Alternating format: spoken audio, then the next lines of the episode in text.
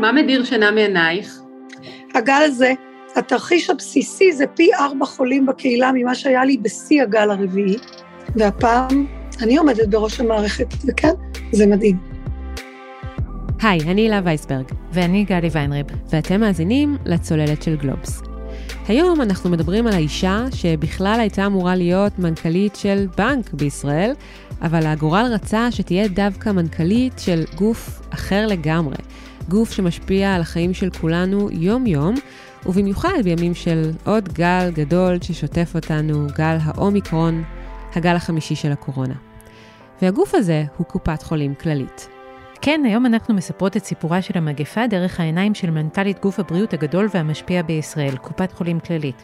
עם קרוב לחמישה מיליון מבוטחים. שזה אומר 52 אחוזים מהשוק. ענק גם במונחים של מערכת בריאות בעולם.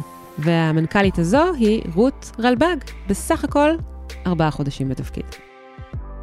קופת חולים כללית משפיעה עליכם גם אם אתם מבוטחים בקופת חולים אחרת, כמו מכבי או מאוחדת. כי יש לה 14 בתי חולים, למשל בלינסון, מאיר, סורוקה, כי היא מכשירה את הרופאים שתפגשו אחר כך בקופת החולים שלכם, או בחדר המיון, וכי המחקרים שהיא עורכת וההחלטות שהיא מעורבת בהן משפיעות על כל אחת ואחד מאיתנו. אז היום נדבר עם רות רלב"ג על הרבה מאוד דברים, אבל בעיקר נדבר איתה על איך מנהלים מגפה בסיטואציה שיש בה כל כך הרבה אי-ודאות ושינויים מהירים שמתרחשים ממש מדי יום, איך הרקע שלה כבחירה דווקא במערכת הבנקאות הועילה בתפקידים שמילא אחר כך במגזר הציבורי, והאם הגל החמישי מבשר סוף סוף את הסוף של הקורונה? ונשאל אותה גם איך מתמודדים עם שכר הרופאים שמגיע בשנים האחרונות לגבהים שלא ראינו כמוהם בקופות חולים. אפילו 70 ו-80 אלף שקל בחודש. נדבר על שחיקה ועל מחאת המתמחים ומה אפשר לעשות. אז גלי, מה את אומרת? נתחיל מלספר למאזינים שלנו משהו ממאחורי הקלעים של הריאיון הזה עם רות רלב"ג. כן. היינו אמורות uh, לפגוש אותה בשבוע שעבר בשיחה פיזית, אי אז בימים שחשבנו שזה עוד איכשהו על גבול האפשרי, אבל כמה שעות לפני שהריאיון היה אמור להתקיים, התבקשנו לעבור לשיחת זום, לריאיון בזום. כי היא חששה שהיא נחשפה לחולה מאומתת ועלולה לסכן אותנו. ומאז אני חושבת שבאמת אה, אי אפשר לחמוק מזה כבר. אז גלי, אנחנו מתחילות מלדבר על הקורונה, כי מה לעשות, היא עדיין פה, ובגדול, אה, אנחנו נמצאות פחות או יותר בשיא של התפרצות האומיקרון בישראל. נקווה שזה השיא. נקווה שזה השיא. איך נראים הנתונים דהיום ביחס לציפיות שהיו מהגל הזה? זה יותר גרוע, פחות גרוע, גרוע כפי שציפינו? אז הגל הזה מתנהל בערך לפי התחזיות. האומיקרון באמת פוגע ברוב האנשים קל יותר ממה שפגעו בהם הווריאנטים הקודמים, אבל קצב ההדבקה הוא מדהים. כל הזמן הזהירו אותנו שהגרף הולך להיות ממש אקספוננציאלי, אז עכשיו הוא באמת אה, הכי אקספוננציאלי שיש, הוא פשוט עולה בקו ישר למעלה. אה, וזה אומר שגם מבחינת החולים הקשים, אם שלשום היו 50 חולים קשים חדשים ביום, אתמול היו פתאום מעל 70 חולים קשים חדשים ביום. היום יום רביעי, אז את מתכוונת אה, יום שני, יום שלישי, השבוע.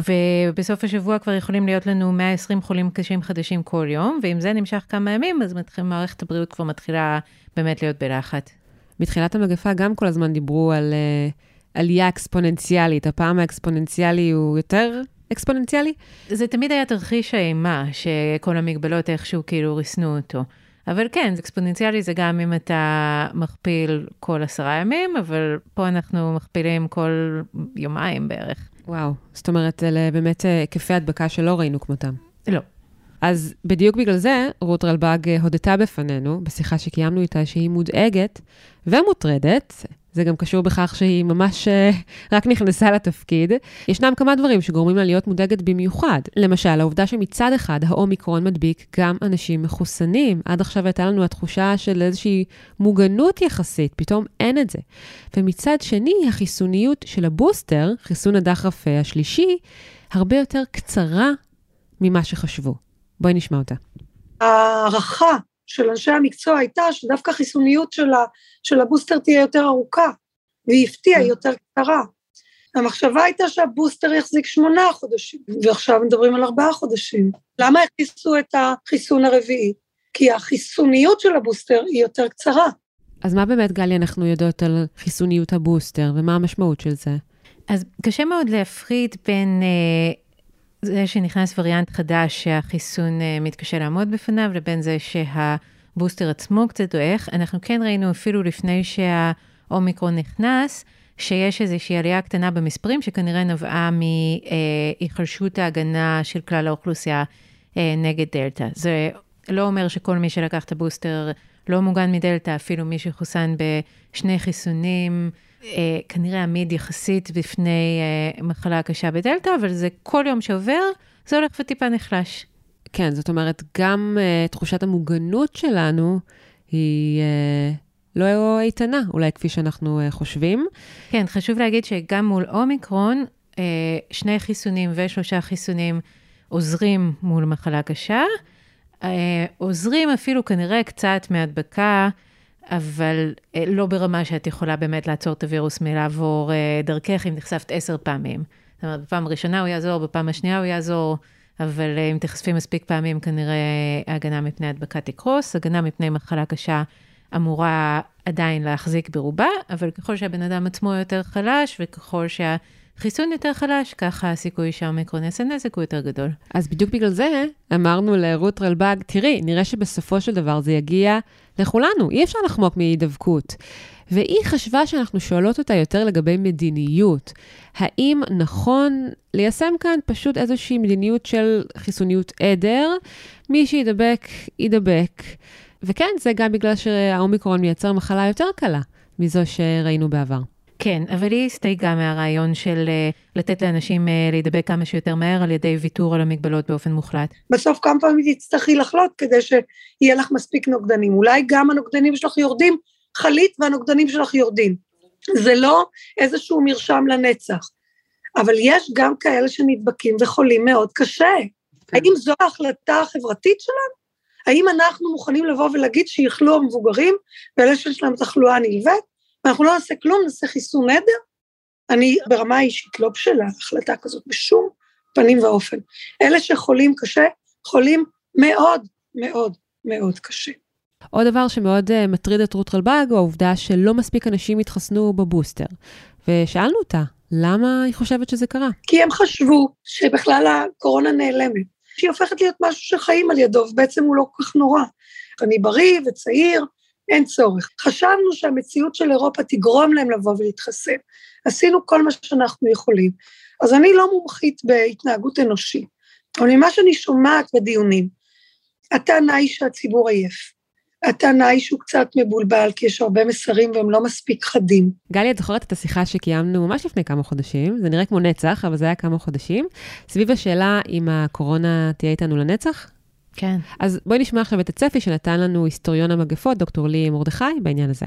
אם את רוצה להסתכל על זה, לנסות להסתכל על זה רגע מנקודת המבט של הווירוס למשל, אז הוא דווקא לא רוצה אה, להרוג את האנשים, את הנשאים, בגלל שזה עוזר לו להתפשט יותר. אז וירוסים שהם יותר מדבקים אבל פחות קטלניים, אמורים להתפשט מהר יותר.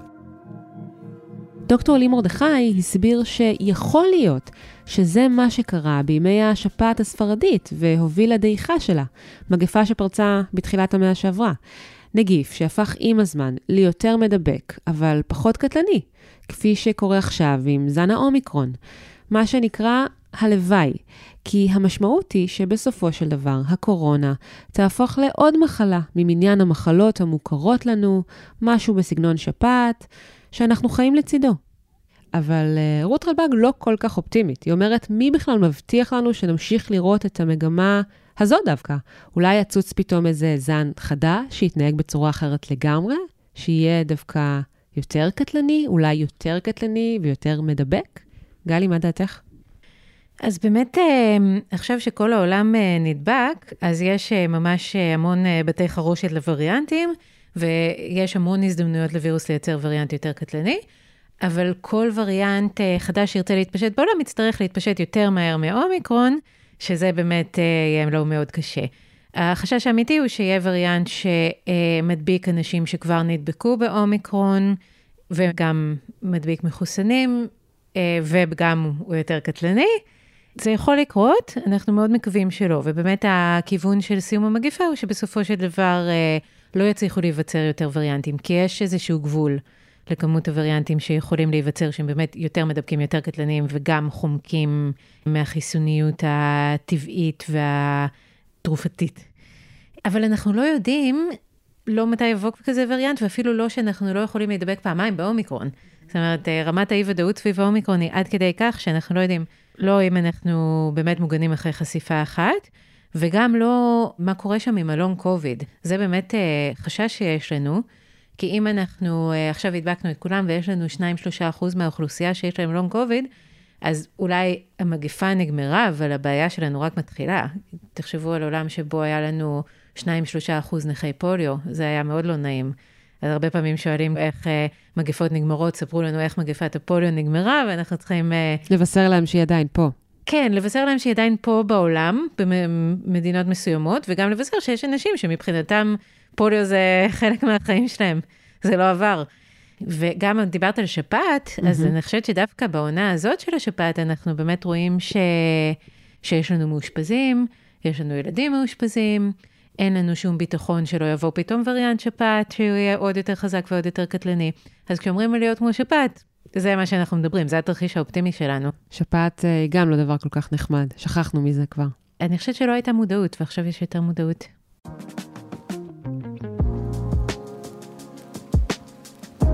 טוב, אז נכנסנו לעובי הקורה של האומיקרון באופן טבעי. עכשיו גלי, בואי נלך אה, כמה צעדים לאחור, ונאפשר למאזינים שלנו להכיר יותר טוב את רות רלב"ג, מנכ"לית הכללית. רלב"ג היא דמות מאוד משמעותית במערכת הבריאות הישראלית בשנים האחרונות, אבל רוב האנשים לא מכירים אותה, היא גם לא כל כך נחשפה עד היום. מדובר uh, בריאיון ראשון ובלעדי, מה? שכתבנו שתינו גם עבור מגזין G של גלובס ומתפרסם בסוף השבוע. מסלול הקריירה של רות רלב"ג לא, לא כל כך שגרתי, הייתי אומרת. כן, היא נולדה לפני uh, אה, 61 שנים בירושלים, בבית uh, חצי דתי, חצי חילוני, אבל היא גדלה בחינוך הדתי, ועדיין רואה את עצמה בתור uh, אישה דתייה. דתייה. Mm-hmm. מהאוניברסיטה, מלימודי כלכלה ומינהל עסקים, איתרו אותה כבר לפני מבחני הסיום, הביאו אותה אה, לעבוד בבנק הבינלאומי. היא אמרה לנו, כן, הגעתי לבנק הבינלאומי ממש עם החלב על השפתיים. כן, והיא מאוד התגאתה שהיא הפכה להיות מורשת חתימה במסלול הכי מהיר שהיה עד היום, ושאף אחד עדיין לא עבר אותה לא בזה. לא שבר את השיא. כן. כי זה קרה לה בגיל 26 בלבד, באמת מרשים. בגיל 26 היא כבר הייתה באמת uh, בעמדת ניהול, והגיעה אפילו לנהל בגיל ממש צעיר את הסניף uh, של uh, הבנק הבינלאומי בתל אביב, שהיה הסניף העיקרי שלהם, עם 50% מהפעילות של הבנק.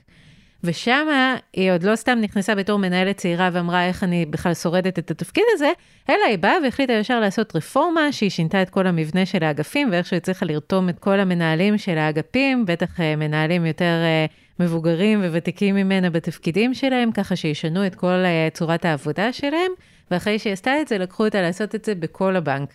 למרות שזאת הייתה יוזמה ספציפית שלה ולא משהו ש... שהבנק אמר לה לעשות. כל כך מצא חן ביניהם. היא גם סיפרה לנו שאומרים עליה שהיא רפורמטורית, שהיא אוהבת לעשות uh, שינויים גדולים. Uh, היא התקדמה מאוד מאוד מהר, והגיעה עד תפקיד של ראש אגף בנקאות מסחרית וקמעונאית. היא אפילו סיפרה לנו שהיא הייתה מועמדת להיות מנכ"לית הבנק, הבנק הבינלאומי, כאשר המנכ"לית היום, ומזה כבר 15 שנה, היא סמדר ברבר צדיק. היית מיועדת להיות uh, מנכ"לית הבינלאומי? ככה אמרו, אבל מכל מיני סיבות מצאתי את עצמי במקום אחר, גם קיבלתי הצעה להיות שלוש פעמים מנכ"לית משרד הבריאות וסירבתי. היו לי עוד במהלך הדרך, אבל כללית זה אתגר אחר לגמרי. ואז בעצם רות רלב"ג מוצאת את עצמה במקום שהוא 180 מעלות מהמגזר העסקי, בטח הבנקאי בישראל. מה קרה שם? מי שהיה אז אה, שר הבריאות, דני נווה, הוא הביא אותה לתפקיד הכי משמעותי ברמה הפיננסית במשרד הבריאות. אה, אפשר להקביל אותו לראש אגף תקציבים במשרד האוצר, רק בתוך משרד הבריאות. זה תפקיד שנקרא סמנכ"ל לתקצוב והתמחור, וזה קרה בשנת 2003. אז מסתבר שרות רלב"ג ודני נווה הכירו כשהיו בני 16, הם ייצגו שניהם את ישראל בהסתדרות הציונית לנוער. כן, צריך לדעת את מי להכיר כשאת בת 16. כן, בדיוק. אז בואי נשמע איך בדיוק קרה השידוך הזה בין אשת הבנקאות הבכירה לבין משרד הבריאות הישראלי, או יותר נכון, השידוך בין דני לרות. הייתי בדרכי לבנק אחר, עם הסכם שהייתי צריכה רק לחתום עליו, והוא הפעיל עליי מכבש גדול כדי להגיע, ואני ב... אמרתי לו, תשמע, הבנקאות לא מכירה את המדינה. זה החשב הכללי, בנק ישראל. הם לא עובדים בכלל עם, עם המדינה, לא מדברת את השפה של המדינה.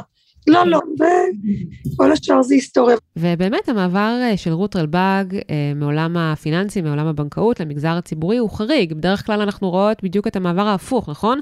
אנשים רוכשים את הניסיון והקשרים במערכת הציבורית, ואז פודים את השטר הזה במגזר הפרטי בהרבה כסף, בכל מיני תפקידים בכירים. אה, במשרד הבריאות הרבה פעמים מדובר באנשים שעוברים מהמשרד הזה לכל מיני חברות תרופות, למשל, מה שנקרא דלתות מסתובבות. שאלנו את רות בהסתכלות לאחור, ואחרי שהיא הייתה 18 שנים בבנקאות ו-19 שנים בבריאות, לאיזה עולם היא מרגישה יותר קרובה? אני תמיד הרגשתי במערכת הבריאות שאני מביאה עוד איזשהו ערך מוסף. ויש לי שמחה גדולה מזה שאני לוקחת את החלקים המקצועיים שלי ומביאה אותם לעולם שגם נותן אה, דברים נוספים חוץ מ-P&L, Profit and Loss, זה המושג הבסיסי בעולם העסקי, איך את נמדדת, את נמדדת רק על רווח. אז במערכת אה, הבריאות, כמו בתחומים חברתיים אחרים, את שואלת מה רמת התועלת. ורות רלב"ג גם סיפרה לנו שהיכולות שלה כמנהלת במגזר העסקי דווקא תרמו מאוד לתפקידים הבאים שמילאה במערכת הציבורית. כי אתה מכיר so called את העולם האמיתי, את העולם שבו לכאורה דברים קורים יותר מהר, או, mm-hmm. ואתה מגיע לעולם שהוא מאתגר מאוד מאוד, ולפעמים הוא זקוק ליכולת לבחון את הדברים בכלים של העולם העסקי. טוב, אז רות רלב"ג אה, לא כל כך אוהבת לדבר על מגדר, אבל אי אפשר שלא לדבר על מגדר קצת. כי בכל זאת, היא האישה הראשונה שמנהלת את כללית מזה 110 שנות קיומה של הקופה. ולא רק זה, אלא שעד לפני שלוש שנים לא עמדה מעולם אישה בראש קופת חולים בישראל. והנה אנחנו רואות היום שלוש נשים מנכ"ליות של קופות. סיגל רגב רוזנברג במאוחדת, שהייתה החלוצה, וסיגל דדון לוי במכבי. סיגל את סיגל. כן. ויש גם את ורות. uh, רות רלב"ג. Mm-hmm. אז בואי נשמע עכשיו את uh, רות רלב"ג בעניין הזה, אחרי שקצת הכרחנו אותה לדבר על מגדר. מה לעשות, אי אפשר לברוח מזה. אני מקווה שבחרו בי לא כי אני אישה. אני מקווה שאת כל התפקידים שעשיתי בימי חיי זה לא כי אני אישה. והנושא הזה הוא אף פעם לא נורא נורא מעסיק אותי. נכון, יש שלוש נשים. אני חושבת שיש, אגב, בכללית קרוב לשלושת רבעי מה, מהעובדים הם נשים. אז אפילו סטטיסטיקה פשוטה, יש יותר הסתברות שהוא תהיה אישה מאשר איש. אז uh, אני uh, לא יודעת להתייחס לזה, זאת אומרת, בטח לא בקופות אחרות. Uh, אני אגיד שזו פעם ראשונה שאני רציתי והתמודדתי, ובתוך הקבוצה של uh, הרבה אנשים שניגשו, היו לא מעט נשים. את יודעת, גלי, עוד דבר מעניין הוא שהמנכ"לות של רות רלב"ג מתרחשת דווקא עכשיו. היא מספרת שהיא כבר קיבלה בעבר שלוש הצעות, להיות uh, מנכ"לית של משרד הבריאות, וסרבה, שהייתה מועמדת להיות מנכ"לית של הבנק הבינלאומי, אבל הבשלות מגיעה בעת הזו. אז אני חושבת שכן, אפשר אולי לתהות אם ואיך האקלים שהשתנה סביב העובדה שנשבר המחסום הזה של אישה שעומדת בראש קופת חולים, משפיע בכל זאת על מוטיבציה של נשים אחרות, אולי אפילו בתת מודע?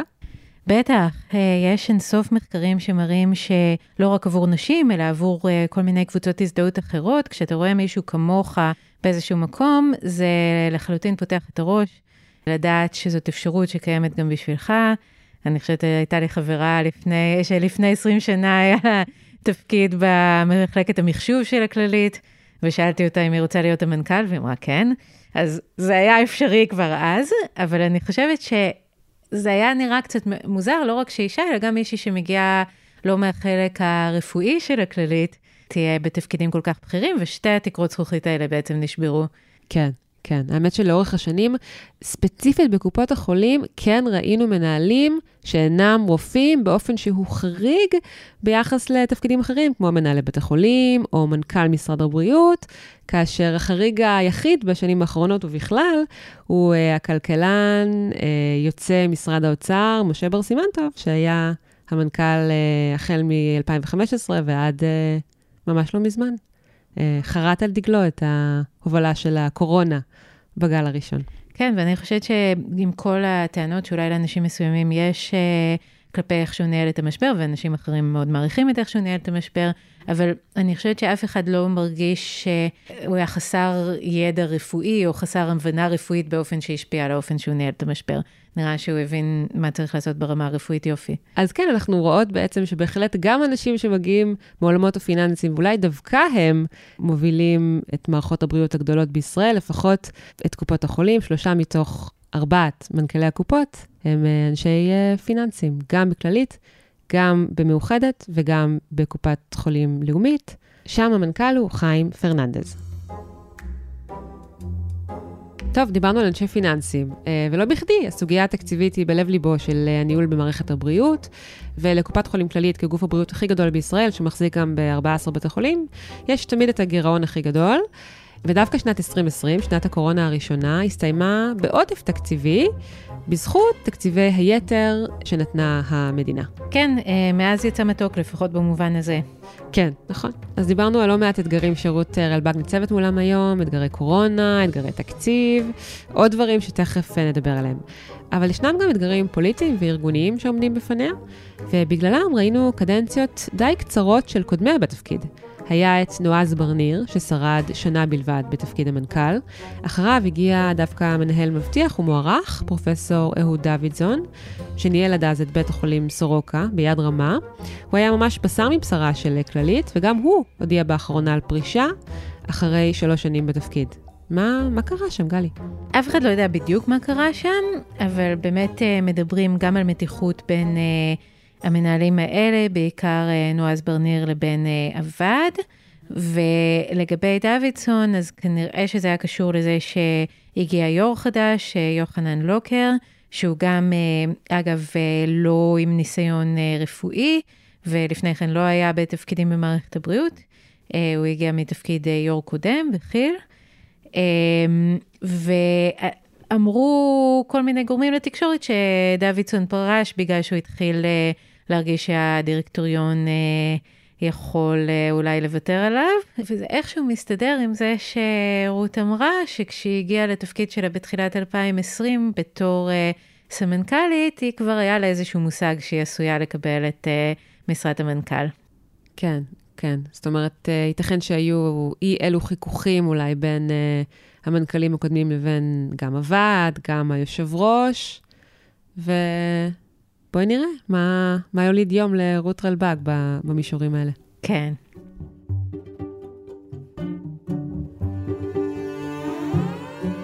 אז באמת אתגר גדול שניצב בפני רות רלב"ג כיום, ולא רק בפניה, בפני כל מנכ"לי הקופות, בפני מנכ"ל משרד הבריאות, כל מי שנמצא בראש המערכת, הוא הסוגיה של אה, מחסור בכוח אדם רפואי, גם אה, רופאים, גם אחיות.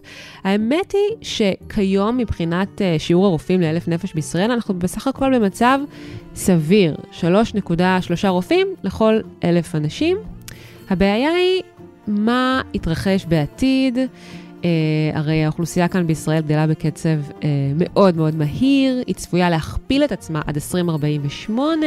הם כבר אקספוננציאלי, אנחנו לא? ממש אקספוננציאלי, והרופאים שמילאו את השורות בשנות ה-90, uh, חבר'ה שעלו ממדינות ברית המועצות לשעבר, הם יוצאים היום לגמלאות ממש בהמוניהם. והעתיד נראה בעייתי מבחינת מספר הרופאים שיהיו כאן. ולתוך המשוואה הזו נכנס עוד עניין, והוא העובדה שבשנים האחרונות כ-60% מהרופאים הקיימים, וגם מקרב מקבלי הרישיון ברפואה, מקבלים את ההכשרה שלהם אה, בחו"ל. במדינות uh, מזרח אירופה הרבה פעמים, ששם רמת ההכשרה, רמת הלימודים, לא תמיד מספיק טובה, אז רוצים עכשיו uh, לבטל את ההכרה בחלק מבתי הספר האלה, אבל התוצאה הלא חיובית של העניין הזה היא שבאמת אה, מספר הרופאים שיהיו כאן יפחת עוד יותר. אז uh, uh, בקיצור, המצב לא נראה כל כך טוב. כן, והביקוש לרופאים באמת יוצר איזושהי תחרות מאוד גדולה. קופות גונבות אחת מהשנייה את הרופאים, השכר עולה, ומנהלת חדשה שצריכה להתמודד עם זה, בהחלט צריכה להחליט מה היא הולכת לעשות. עכשיו, זה מדהים, אנחנו מדברות על רמות שכר שיכולות להגיע אפילו ל-70-80 אלף שקל בחודש לרופאים מומחים, שהם רופאים מאוד מבוקשים, את יודעת, אה, רופאי נשים, רופאי עור, רופאי עיניים, רופאי ילדים. אה, אז שאלנו את אה, רות רלב"ג, איך היא מתמודדת עם סחרור השכר הזה? תראי, קודם כל, לנו קשה להתמודד, כי המערכת שלנו היא מערכת ציבורית, גם בקהילה וגם באשפוז. אנחנו כפופים כמובן לביקורת של הממונה על שכר, אנחנו גוף ציבורי. גם אנחנו לעיתים נגררים לזה, רק יש תמיד איזשהו גבול, כי יש לזה השפעות רוחב. ואם מרכיב יותר מדי גדול, שהוא לא נמצא בפונקציית העלות, ילך לשכר, אז יהיה יותר תורים. שאלנו אותה מה הפתרון בעצם, אם צריך להגביל את השכר באיזשהו סכום מקסימום, לשים עליו איזה קאפ? תראי, בסוף אנחנו במדינה, את יודעת, לא שמו קאפ גם על כל מיני דברים של קורונה. יש חוק חופש העיסוק. ואי אפשר לברוח מזה. ולכן המסר המרכזי שלי, שצריך גם רציונליזציה של השכר. גלי, כשרות רלב"ג מדברת על רציונליזציה של שכר הרופאים, למה היא מתכוונת? אני מניחה שהיא מתכוונת לכל מיני שיטות שיש אה, לשלוט במחירים של כוח אדם בשוק אה, יחסית מתוכנן, שזה אומר אה, באמת אה, לשפר את ההיצע של הרופאים, אבל גם אולי... אה, איזשהו הסכם ג'נטלמני בין הקופות לא להגיע לשכר מאוד גבוה. אמ, יש כל מיני דרכים שאפשר לעשות את זה. באיזשהו אופן היא גם צודקת, זאת אומרת, בעוד השכר אה, שהיא נותנת מפוקח, כל שאר הקופות שמעסיקות רופאים עצמאיים יכולות לעשות מה שבא להן, ויש פה איזשהו אי שוויון שצריך לחשוב אה, איך לטפל בו.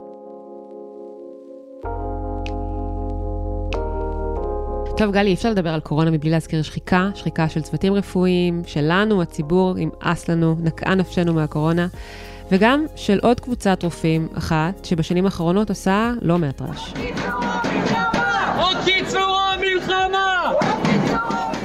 אז המתמחים ברפואה מבקשים מזה כבר כמה שנים טובות לקצר את התורנויות שלהם, שנמשכות 26 שעות רצופות. זה באמת מספר לא סביר, והוא אה, פוגע לא רק בהם, אלא גם בנו, ציבור המטופלים.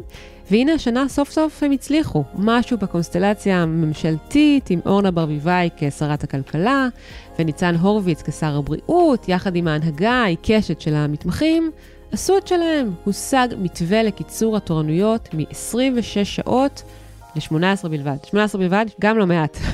כן, תשמעי, אנשים בסופו של דבר רוצים לישון. אני חושבת שזה כאילו קצת אה, אכזרי ו...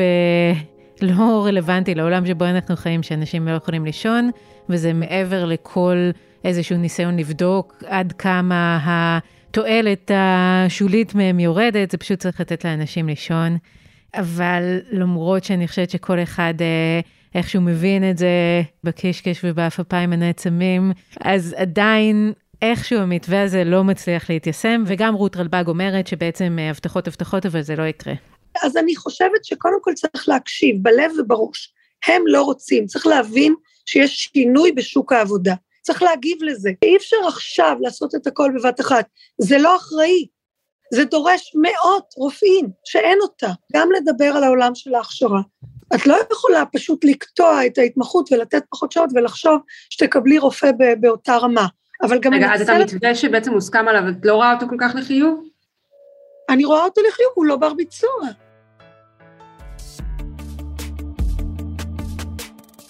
אוקיי, גלי, אז לסיום, תראי, פחות או יותר חצי מהמדינה הם אה, מבוטחים של קופת חולים כללית, וגם מי שלא מבוטח של כללית נתקל בקופה הזו בהרבה מאוד צמתים ומקומות בחיים שלו.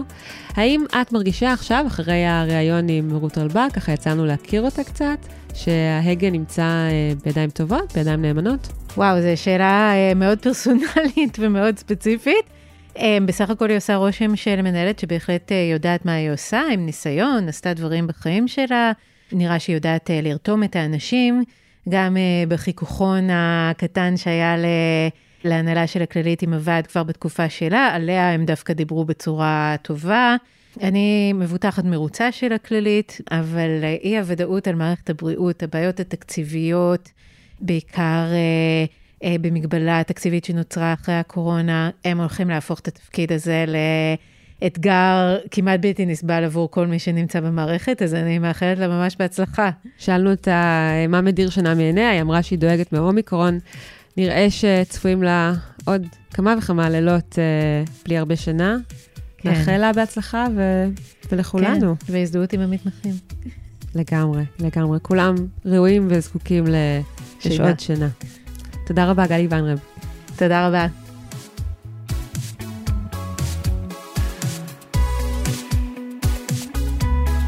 עד כאן עוד פרק של הצוללת. מוזמנות ומוזמנים לעקוב אחרינו באתר גלובס, בספוטיפיי ובכל אפליקציית פודקאסטים.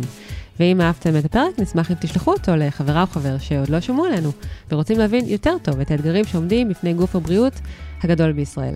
וגם, נשמח אם תדרגו אותנו גבוה בספוטיפיי, באפל פודקאסט ובכל מקום. בצוות הצוללת חברים גם אורי פסובסקי ואמירה ברקת. ניר לייסט ערך את הסאונד. תודה רבה לגלי ויינרב, ותודה לכולכם שהאזנתם. אני הילה וייסברג, נתראה בפעם הבאה. ביי ביי.